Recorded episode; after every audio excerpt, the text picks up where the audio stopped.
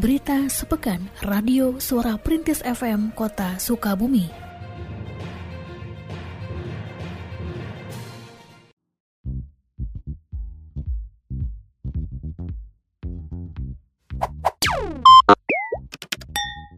Sebanyak 68 orang atlet panjat tebing dari 18 kota dan kabupaten se-Jawa Barat mengikuti ajang Sukabumi Sport Turnamen Panjat Tebing yang dilaksanakan selama dua hari, yakni dari mulai hari Senin hingga Selasa, tanggal 6 dan 7 Desember 2021, bertempat di GWK Kota Sukabumi.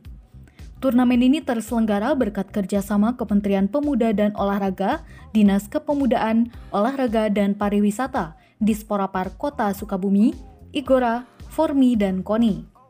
Kepala Seksi Pembudayaan Olahraga di Sporapar Kota Sukabumi, Ganjar Ramdhani Saputra, menjelaskan turnamen ini merupakan salah satu rangkaian dari Sukabumi Sport Tournament yang sebelumnya mempertandingkan cabang olahraga pencak silat.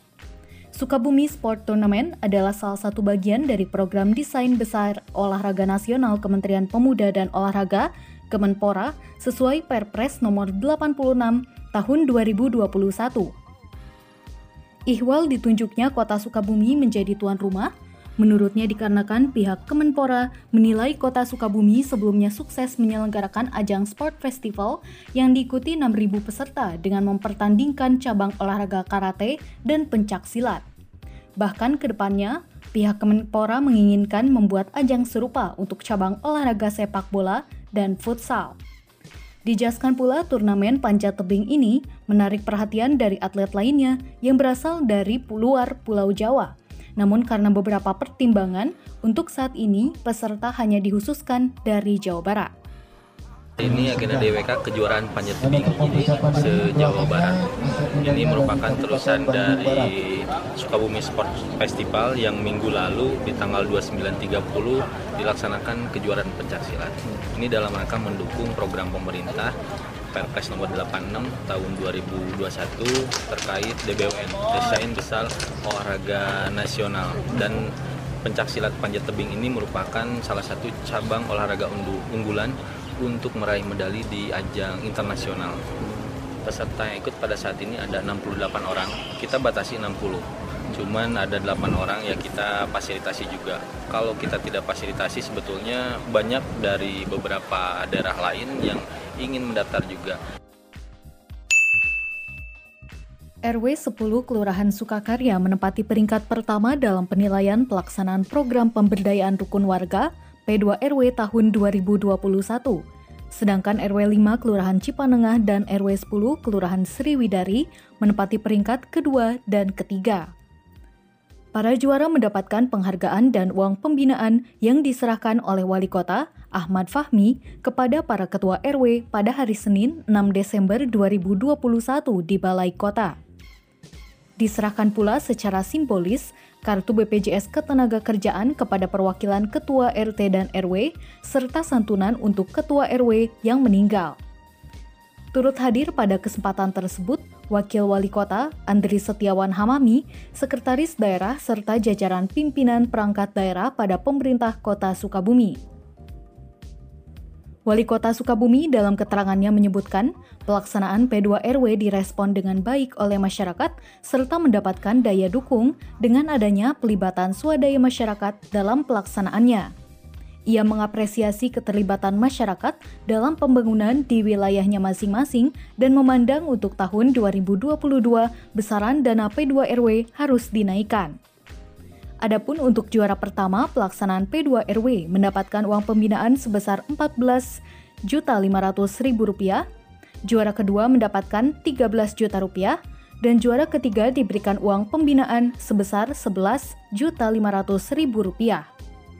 Ya kita melihat yang pertama efektivitas pelaksanaan pembangunan P2 RW ini sangat efektif, respon dari masyarakat luar biasa, kemudian juga eh, ini apa daya dukung dari masyarakat. Ya jadi masyarakat juga menambah dari P2 RW yang sudah diberikan. Sehingga tahun depan kita rencanakan P2 RW ini akan kita naikkan minimal di angka 20 ini kan menjadi apresiasi yang luar biasa bagi kami ya masyarakat memang mereka sangat memperhatikan lingkungan yang mereka butuhkan. Jadi dari anggaran yang tersedia tidak mencukupi ya mereka siapkan anggaran berbasis masyarakat itu. Jadi luar biasa lah masyarakat kita. Peredaran rokok tanpa cukai atau ilegal harus dihentikan karena merugikan negara. Dalam upaya memutus peredarannya, Dinas Koperasi, Usaha Mikro, Perindustrian, dan Perdagangan Diskumindak Kota Sukabumi bekerja sama dengan Kantor Pengawasan dan Pelayanan Bea dan Cukai Tipe Madya KPBBC Pabean Abogor kembali mensosialisasikan peraturan perundang-undangan ketentuan di bidang cukai hasil tembakau atau rokok DBH CHT di kantor Kecamatan Cikole pada hari Selasa 7 Desember 2021 yang diikuti oleh 70 orang peserta. Kepala Diskumindak Kota Sukabumi, Ayi Jamiat menjelaskan tujuan dari sosialisasi ini adalah memberi memberikan pemahaman kepada para peserta mengenai cukai termasuk manfaatnya bagi negara, sehingga bisa kembali menyebarluaskan pemahaman tersebut masyarakat luas agar dapat ikut menghentikan peredaran rokok tanpa cukai. Menurutnya, rokok ilegal cukup sering ditemukan di wilayah Sukabumi. Munculnya peredaran rokok ilegal salah satunya dipicu kenaikan harga pokok yang mencapai 23 persen, sementara permintaan tinggi yang di antaranya datang dari kawasan pusat perdagangan. Jadi kegiatan ini eh, kita melaksanakan kegiatan kegiatan ya ditugaskan ya oleh pemerintah pusat ya terutama kita diberikan dana bagi hasil cukai tembakau. Nah, khusus di dinas Kumindag ini yaitu ditugaskan untuk mensosialisasikan kepada masyarakat tentang uh, peredaran cukai rokok ilegal ya di wilayah khususnya di kota Sukabumi ya terutama ini di seluruh Republik Indonesia ini memang cukup tinggi ya peredaran cukai uh, rokok ilegal ini jadi negara sangat dirugikan dengan beredarnya cukai tembakau ilegal ini. Ya. Nah, tujuan kami mensosialisasikan kepada masyarakat, kita kerjasama dengan Bea Cukai Bogor. Nah, tujuan kami uh, mensosialisasikan kepada masyarakat, kemudian nanti masyarakat untuk mensosialis mensosialisasikan kembali ya kepada uh, masyarakat di sekitarnya. Jadi yang diundang pada hari ini ada kelompok pedagang, ada tokoh masyarakat, tokoh agama, ada tokoh pemuda ya. Jadi semua elemen ya kita undang. Pemerintah Kota Sukabumi dalam hasil monitoring, evaluasi, dan pemeringkatan penerapan keterbukaan informasi publik tahun 2021 yang diadakan oleh Komisi Informasi Provinsi Jawa Barat menempati kategori badan publik pemerintah kota dan kabupaten yang menuju informatif. Hal ini diumumkan oleh Komisi Informasi Provinsi Jawa Barat dalam Anugerah Keterbukaan Informasi pada hari Senin 6 Desember 2021 di Gedung Sate Bandung. Sebelumnya tahapan monitoring dan evaluasi dilakukan di antaranya melalui survei yang dilanjutkan dengan peninjauan lapangan pada awal bulan November lalu, penerapan keterbukaan informasi publik pada pemerintah kota Sukabumi dikelola oleh Dinas Komunikasi dan Informatika.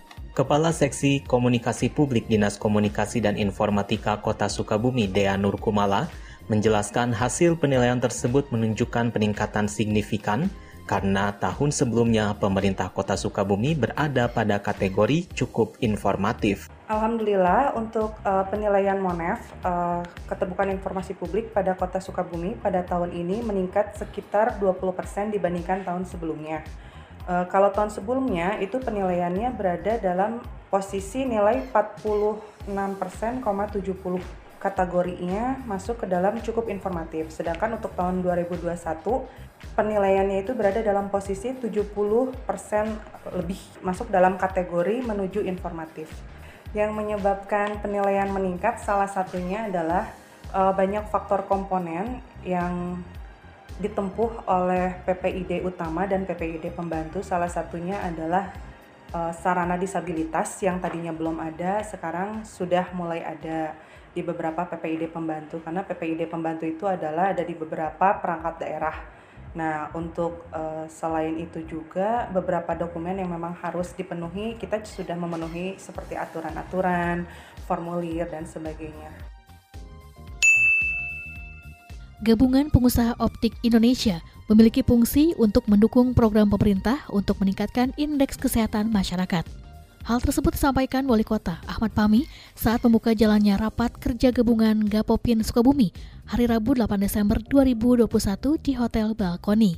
Disampaikan pula dengan terbitnya Undang-Undang Cipta Kerja, Gapopin harus bisa menyikapi hal ini dengan menyediakan lapangan pekerjaan bagi masyarakat. Sementara Ketua Gapopin Provinsi Jawa Barat Reza Rahman Arif pada kesempatan tersebut menerangkan bahwa terdapat 2.000 lebih pengusaha optik di Jawa Barat dan 40% sudah menjadi anggota Gapopin. Sedangkan pengusaha yang tergabung di Gapopin baru 60% di antaranya mengantongi izin. Oleh karena itu, Gapopin akan terus melakukan pembinaan kepada para pengusaha optik. Dijelaskan pula sejauh ini Gapopin telah memberikan kontribusi untuk masyarakat seperti pembagian 5.000 kacamata bagi warga yang membutuhkan.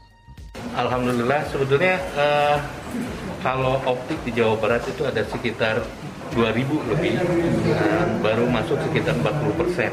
Jadi pengusaha optik yang menjadi anggota Gapopin Jawa Barat baru sekitar 40 persen. Mudah-mudahan di ke depan uh, bisa semua bergabung di dan yang yang berizin barangkali sudah lebih dari 60% dari 40% tadi. Ya, kita melakukan kegiatan bagaimana membina mereka agar mereka yang tadinya uh, belum berizin menjadi berizin, nah, kemudian yang belum ada tenaga kesehatannya kita lengkapi tenaga kesehatan dan bagaimana menunjang pemerintah dalam membuka lapangan pekerjaan dan juga mencerdaskan kehidupan bangsa bagaimana pelayanan optik-optik yang optimal kepada masyarakat. Mudah-mudahan yang mempunyai penglihatan yang terbatas kita bisa bantu melalui dan banyak sekali kegiatan eh, baksos yang kita lakukan. Wali Kota Sukabumi, Ahmad Fahmi, memberikan bantuan 2 unit kursi roda, alat bantu dengar, dan 17 tongkat penuntun adaptif dari Kementerian Sosial, BJB, dan pemerintah Kota Sukabumi untuk kaum disabilitas. Pada peringatan Hari Disabilitas Internasional tingkat Kota Sukabumi yang diadakan pada hari Rabu 8 Desember 2021 di SLBA Budi Nurani. Hadir pada peringatan tersebut, Wakil Wali Kota, Andri Setiawan Hamami, Ketua TPPKK Kota Sukabumi, Fitri Hayati Fahmi, dan tamu undangan lainnya. Pada peringatan tersebut diserahkan pula santunan kepada 65 orang anak yatim piatu korban COVID-19 dengan total santunan mencapai 57 juta rupiah. Wali kota dalam sambutannya menerangkan bahwa pemerintah kota Sukabumi secara bertahap terus meningkatkan sarana prasarana di ruang terbuka publik bagi kaum disabilitas sebagai salah satu komitmen keberpihakan pemerintah terhadap penyandang disabilitas. Di sisi lain, ia juga mengharapkan keberadaan sekolah berkebutuhan khusus mampu menguatkan dan meningkatkan potensi penyandang disabilitas, terlebih banyak perusahaan yang mempekerjakan mereka. Sementara itu, Kepala Dinas Sosial Kota Sukabumi, Punjul Saipul Hayat menjelaskan bahwa Hari Disabilitas Internasional bertujuan untuk mempromosikan hak kesejahteraan kaum disabilitas di semua bidang kehidupan. Melalui peringatan ini, diperkuat pula komitmen setiap pihak untuk membangun masyarakat yang inklusif dan SDM disabilitas yang unggul. Sebetulnya ini tanggal 3 ya Desember setiap tahun itu diperingati sebagai Hari Disabilitas Internasional. Bagaimana kita uh, memberikan uh, kesadaran kepada masyarakat ya bahwa kaum disabilitas ini ya tidak uh, harus dibedakan ya mereka harus inklusi ya mereka punya kelebihan dan lain sebagainya mempunyai kesempatan yang sama ya dengan uh, semua yang uh, dalam segi kehidupan segala kehidupan ya baik itu pekerjaan sosial ya budaya dan lain sebagainya. Pemerintah membatalkan rencana pemberlakuan pembatasan kegiatan masyarakat PPKM level 3 di seluruh wilayah Indonesia pada masa libur Natal dan Tahun Baru. Keputusan pembatalan ini diumumkan oleh Menteri Koordinator Bidang Kemaritiman dan Investasi Luhut Binsar Panjaitan dalam keterangan persnya pada 7 Desember 2021. Menanggapi pembatalan tersebut, Wali Kota Ahmad Fahmi selepas mengikuti pertemuan dengan Kementerian Dalam Negeri menandaskan penerapan PPKM pada masa libur Natal dan Tahun Baru mengikuti zonasi atau level PPKM di wilayah masing-masing Meski demikian, akan dilakukan beberapa pengetatan seperti tidak diperbolehkannya kegiatan yang mengundang kerumunan. Tadi kami dari dengan Kemendagri, para kepala daerah dikumpulkan bahwa pelaksanaan Nataru ini melaksanakan dilaksanakan sesuai dengan zonasi atau level di tiap-tiap wilayah. Tetap dengan adanya pengetatan-pengetatan. Jadi tidak ada istilah uh, level 3. Jadi sesuai dengan level di wilayah dengan tetap adanya pengetatan. Seperti itu. Ya tentunya kita berharap bukan berarti warga masyarakat mereka bisa euforia menyambut Natal dan Tahun Baru ini karena tetap ada pengetatan dan kita harap sebagaimana instruksi dari pemerintah pusat tidak ada kegiatan kerumunan mulai dari tanggal 24 sampai dengan tanggal 2 Januari. Pemerintah daerah diberikan diskresi khusus untuk melaksanakan tindakan apabila dalam rentang waktu tersebut ada aktivitas yang menyebabkan kerumunan. 11 inovasi dari berbagai perangkat daerah pada pemerintah Kota Sukabumi serta unsur masyarakat ditampilkan dalam Festival Inovasi yang diselenggarakan oleh Badan Perencanaan Pembangunan Bapeda Kota Sukabumi pada hari Kamis 9 Desember 2021.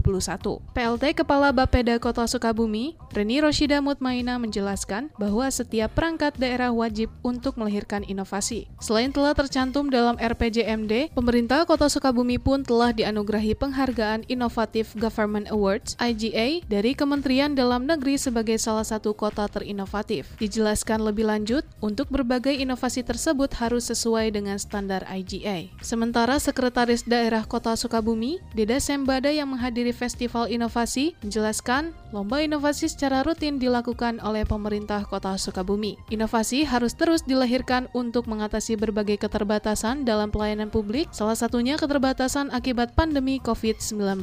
Selain itu, inovasi pun bisa mengatasi keterbatasan SDM dan anggaran. Adapun inovasi yang tampil pada Festival Inovasi antara lain Sigenko, Sistem Informasi Geospasial Kota Sukabumi, dari Bapeda, Inovasi Puskesmas Limus Nunggal, aplikasi Likes Disduk Capil, dan One Roof One Taker milik DKP3 Kota Sukabumi. Dengan pandemi banyak keterbatasan aktivitas yang harus kita lakukan nah maka salah satu solusi untuk melayani masyarakat itu dengan membuat inovasi. Bagaimana tidak perlu kita harus masuk ke ruangan kemudian pelayanan bisa tetap berjalan. Jadi ini salah satu hikmah yang yang ada terkait dengan uh, pandemi. Kemudian juga inovasi ini juga harus uh, kami dari Pemda ingin menjadikan keunggulan kita karena banyak keterbatasan nih Pemda Kota dari mulai mulai keterbatasan sumber daya manusia, keterbatasan sumber daya alam dan yang paling utama juga keterbatasan anggaran. Ya, masyarakat di sini juga kan komunitas-komunitas tertentu sudah mulai kita libatkan. E, tentu juga mereka kan sama juga ingin membuat e, apa namanya kondisi membuat pelayanan yang lebih baik nah, dan kalau memang baik nanti kita tarik itu inovasinya menjadi pelayanan di pemerintah daerah. Efisiensi dalam pengelolaan keuangan akan dilakukan pemerintah Kota Sukabumi dalam penganggaran tahun 2022, dikarenakan dana transfer dari pemerintah pusat ke pemerintah daerah untuk alokasi anggaran tahun depan di bawah jumlah pada tahun 2021. Hal tersebut dijelaskan oleh Sekretaris Daerah di Dasembada dalam keterangan persnya pada Festival Inovasi 9 Desember lalu. Lebih lanjut dijelaskan, efisiensi ini berarti ada beberapa program yang terpaksa ditunda pelaksanaannya. Namun, program-program prioritas pemerintah tetap akan diupayakan untuk dapat dilaksanakan pada tahun 2022. Sekretaris Daerah menerangkan pandemi COVID-19 selain berimbas pada anggaran pemerintah, membuat perubahan pula pada target RPJMD, Rencana Pembangunan Jangka Menengah Daerah. Target RPJMD telah disederhanakan, menyesuaikan dengan kondisi pandemi dan jumlah anggaran yang akan dikelola. Di sisi lain, Sekretaris Daerah menambahkan pendapatan daerah hingga triwulan 3 tahun ini telah melebihi target yang ditetapkan meski masih dalam kondisi pandemi COVID-19. Pada saat diumumkan atau pada saat kita menerima peraturan Menteri Keuangan, ya nampaknya eh, keadaannya masih prihatin, eh, dana-dana transfer kita dibandingkan dengan tahun 2021 masih di bawah ya, di bawah jadi bukannya naik. Nah sehingga tentu eh, arahan Pak Wali, Pak Wakil, kemudian juga pada saat kita rapat di Dewan, kita harus banyak melakukan efisiensi-efisiensi.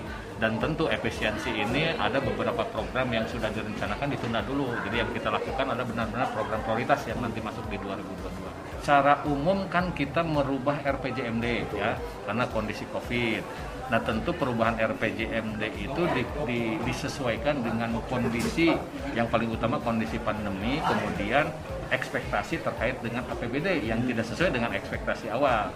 Jadi sekarang eh, perencanaan pembangunan sudah ada penyederhanaan di RPJMD dan tentu kita berharap penyederhanaan ini sudah sesuai dengan kondisi aktual yang terjadi di Sukabumi. Berita sepekan Radio Suara Perintis FM Kota Sukabumi.